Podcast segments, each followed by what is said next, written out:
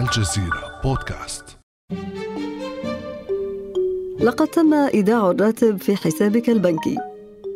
رسالة نصية تختزل فرحة استلام الراتب بعد طول انتظار لكنها للأسف فرحة سرعان ما تتبخر. فرحلة الراتب الشهري من البنك إلى الجيب قصيرة. وبعد خصم الفواتير والإيجارات وأقساط القروض وغيرها لن يتبقى من المال سوى القليل.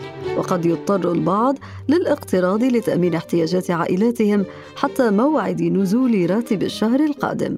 تلك حال أفراد الطبقه الوسطى في دول عربية عديدة بعد أن سقط الكثير منهم في دوامة الفقر. سقوط ينذر باختفاء طبقة تعد صمام الأمان في المجتمع والعمود الفقري للاقتصاد. فما هو واقع الطبقة الوسطى في الدول العربية؟ وهل بقي لهذه الطبقة دور في ظل الأوضاع السياسية والاقتصادية والاجتماعية المأزومة؟ وما تداعيات اختفاء الطبقة الوسطى على المجتمعات العربية؟ بعد أمس من الجزيرة بودكاست أنا أمال العريسي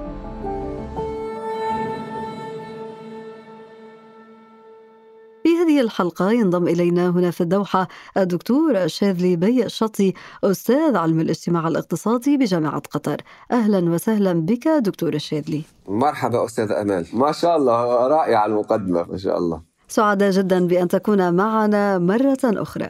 وأنا الأسعد بوجودي معكم. بداية دكتور شاذلي كيف يمكن تعريف الطبقة الوسطى؟ أكيد هو قبل أن نعرف الطبقة الوسطى لابد أن نتعرف على مسألة أساسية أن المجتمعات البشرية تخضع إلى تراتبية اجتماعية هرمية ويتم توزيع أفرادها إلى مجموعة من الطبقات أو الفئات الاجتماعية حسب مجموعة من الخصائص. وهذا التوزيع هو يعتبر عادي وطبيعي.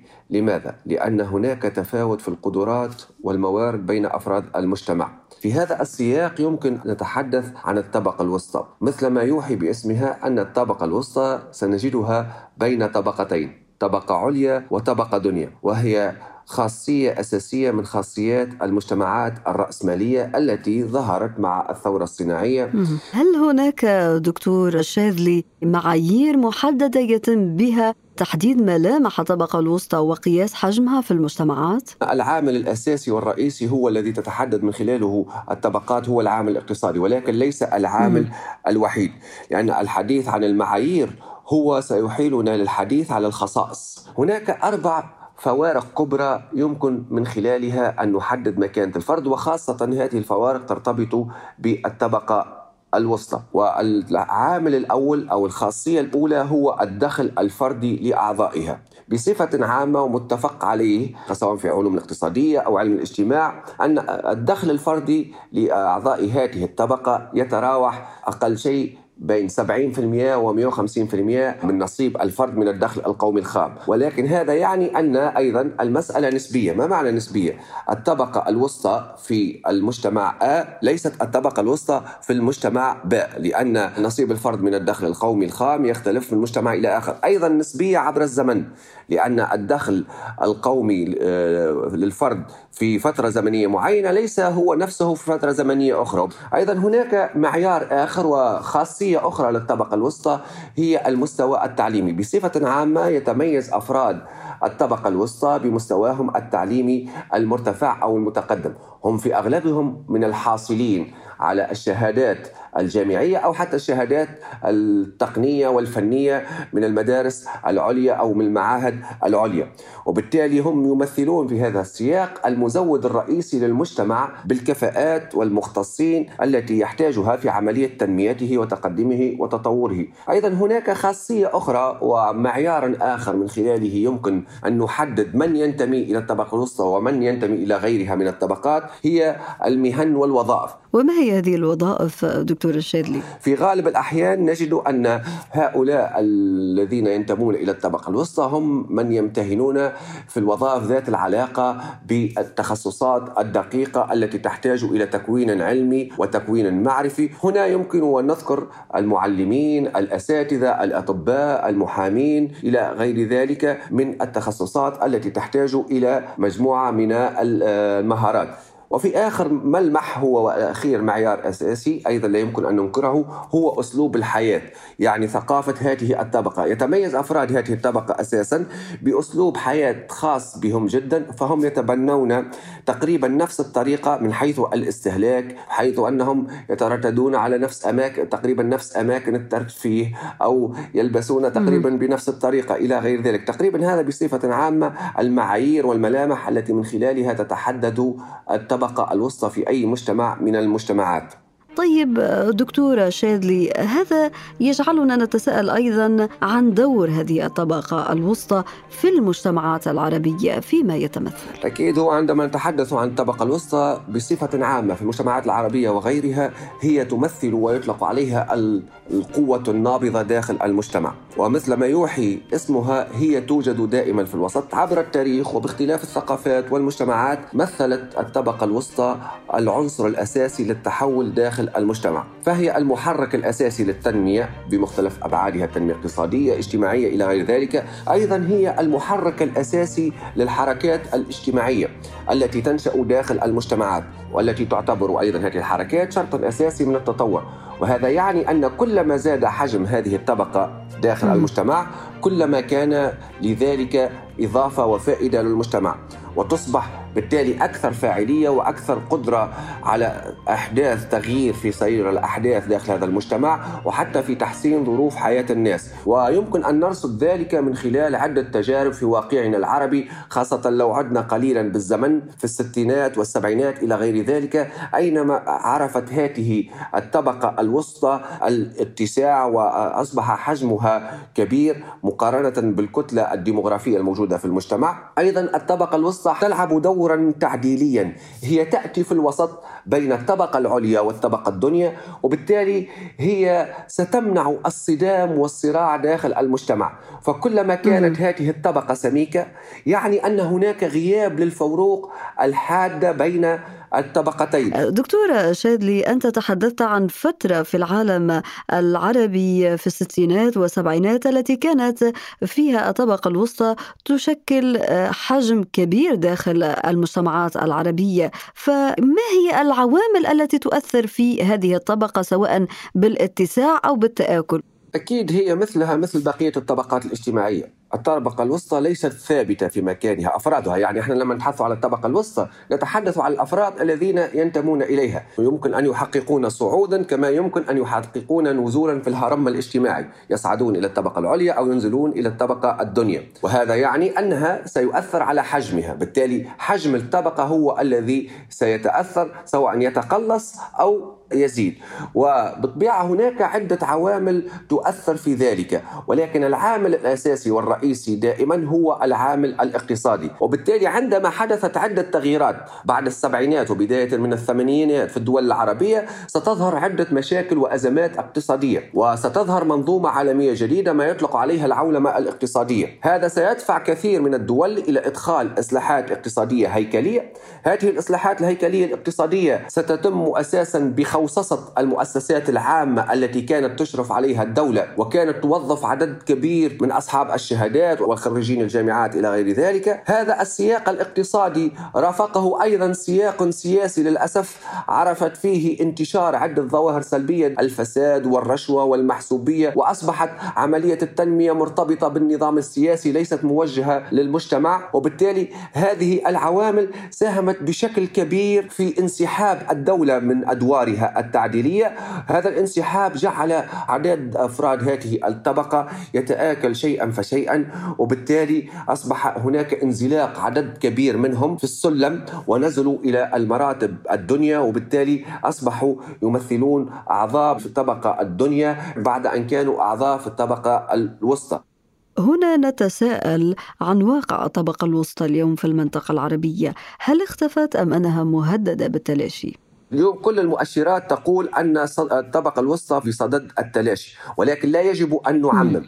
ليس في كل دول العالم العربي. هناك في كثير من الدول بالفعل اليوم عدد الفقراء يزداد بكثرة. إذا كان ازداد عدد الفقراء يعني أنهم أين كانوا هؤلاء؟ كانوا في الطبقة الوسطى وخاصة في السنوات الأخيرة وفي العشر سنوات الأخيرة التي عرفت فيها دول ما يطلق عليه دول الربيع العربي انتفاضات شعبية من أجل تحسين ظروفها الاجتماعية وكان للطبقة الوسطى دورا كبيرا في هذه التحركات حيث هي التي قادت هذه الانتفاضات. ولكن للأسف ستجري الرياح عكس ما أرادته هذه الطبقة. سيتم الركوب على الأحداث ولن تحقق هذه الانتفاضات من انتظارات هذه الفئة وهذه الطبقة وستظهر قوى معطلة لعملية التغيير داخل عالمنا العربي ومعطلة لأفاق التنمية وبالتالي ستزداد الأمور حدة.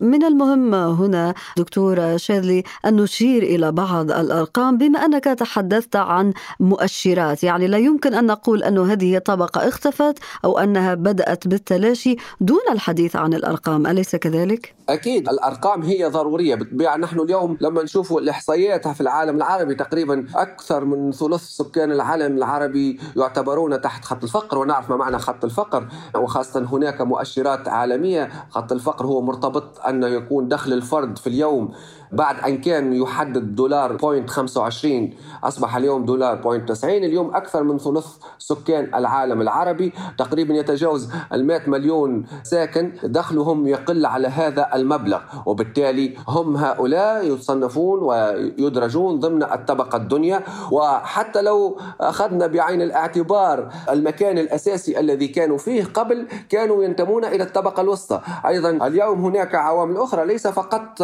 هذه التغيرات التي عرفتها منطقة العالم العربي في إطار الانتفاضات. هناك أيضا العولمة ازدادت والنظام الليبرالي ازداد شراسة والأزمات الاقتصادية التي عرفها العالم. العالم منذ مثلا أقوى أزمة اقتصادية في عصرنا الحديث في 2008 ومنذ 2008 تواترت الأزمات ولم تتوقف الأزمات. أصبحنا نعيش في عصر من الأزمات المتزامنة. أزمات وصولا مت... إلى جائحة كورونا نعم. أكيد وخاصة هذه الجائحة اليوم التي أثرت على المستويات الاقتصادية عبر العالم في العالم العربي مثله مثل كل دول العالم الكثيرين خسروا مواطن عملهم. وبالتالي عدد الفقراء حسب التقديرات أن جائحة كورونا ستزيد عدد الفقراء في العالم العربي إلى ما يقارب العشرة مليون شخص جديد. وبالتالي هؤلاء الفقراء هم بالأساس كانوا أعضاء وأفراد في الطبقة الوسطى. وبالتالي نرى مع بعضنا أن كيف أن هذه الجائحة التي تعتبر جائحة كونية هي أثرت حتى في التراتبية وفي الهرمية الاجتماعية داخل أي مجتمع المجتمعات وبالتالي هذا يجعلنا أمام بالفعل مثل ما ذكرت أنت أستاذة أمال هي هذه الطبقة بصدد التآكل والتلاشي. وإذا غابت هذه الطبقة كيف سيكون المستقبل؟ خاصة إذا ركزنا على فكرة وقلنا أن هي المحرك الأساسي للتنمية والمحرك الأساسي للتحركات الاجتماعية والحركات الاجتماعية الضرورية لنمو المجتمع وتطوره. وما خطورة هذا التآكل بما أنك أشرت إلى الدور الهام لهذه الطبقة؟ إذا ما انحدر جزء كبير منها إلى الفقر. وإذا ما انتهت كل تطلعات هذه الطبقة إلى الصعود الاجتماع إلى الطبقة العليا وظلت هكذا تتآكل إلى أن تتلاشى. فما التداعيات على المجتمعات العربية؟ أكيد تداعيات هذا التآكل في الطبقة الوسطى هو أول شيء سيزداد عدد الفقراء. وعدد الفقراء يعني أنهم ليس لديهم الموارد الكافية لتلبية حاجياتهم. وعندما يفتقد الفرد للموارد الكافية لتلبية حاجياته سيضطر للبحث على الأساليب غير الشرعية من أجل توفير مصدر لرزقه. والمصادر الغير شرعية لذلك قد يكون السرقة، الانحراف، الجريمة إلى غير ذلك من المسائل، أيضا من تداعياته قد تزيد في تأزيم وضعية الأسر وتفكيكها لأن الفقر قد يؤدي إلى الطلاق، وهذا ما يعني أن تآكل الطبقة الوسطى يهدد السلم الاجتماعي، يهدد الاستقرار، يجلب الفوضى، وهذه كلها فيروسات أنا أطلق عليها أو معطلات لعملية التنمية، بالتالي نحن أصلا نعاني من مؤشرات تنمية ضعيفة جدا أو متردية جدا ويزداد عليها هذا العامل الأساسي وبالتالي سيصبح المجتمع حلبة للصراع. للأسف اليوم الإحصائيات تقول أن 10% من سكان العالم العربي يحتكرون الثروة والخيرات وتقريبا 90% من هؤلاء السكان ليس لديهم هذه المص... أصلا الحد الأدنى لكي يلبوا حاجياتهم، بالتالي يصبح هناك فارق شاسع بين الطبقات وعندما يحدث هذا الفارق الشاسع بين الطبقات ستنعدم شروط النهضة وتنعدم شروط التنمية وبالتالي يصبح المجتمع للأسف عوض أن يتقدم يصبح يعاني من المشكلات.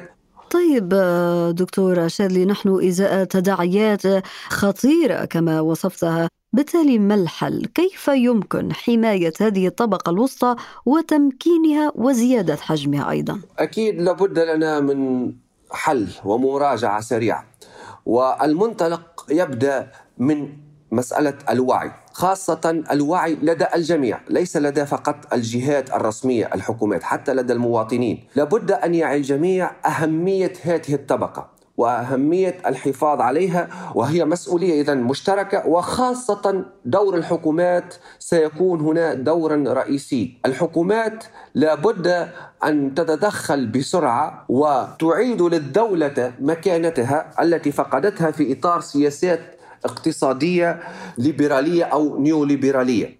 ونشير هنا إلى مثال وهو منتشر حقيقة في الكثير من المجتمعات العربية وهو أن الدولة كل ما تتفطن لبؤرة فقر ل يعني مشكل اجتماعي معين فهي تذهب إلى الحل الأسهل هو توزيع الإعانات وكذلك المساعدات الوقتية. هذا ليس حلا هذا عبارة مسكنا. وقتيا ولكن المشكلة ستعود. الحل الجذري هو بناء سياسات تقوم على جعل الإنسان منتجا على جعل الإنسان مساهم بطريقة فعلية في عملية التنمية. نعم نحن نحتاج إلى مساعدات ولكن ليست مساعدات استهلاكية. نحن نحتاج إلى مساعدات إنمائية يعني أن أقدم التسهيلات والظروف الملائمة لكي أجعل أفراد المجتمع يبادرون ويقبلون على الاستثمار إلى غير ذلك. وبالتالي هذا أيضا لابد أن يتم وضع خطط واستراتيجيات لإصلاح التعليم لأن المشكلة والمعضلة الكبرى هون هي مرتبطة بالتعليم لأن للأسف في معظم دول عالمنا العربي اليوم المناهج التعليمية منفصلة على الواقع. يعني ملائمة مخرجات التعليم مع متطلبات سوق الشغل.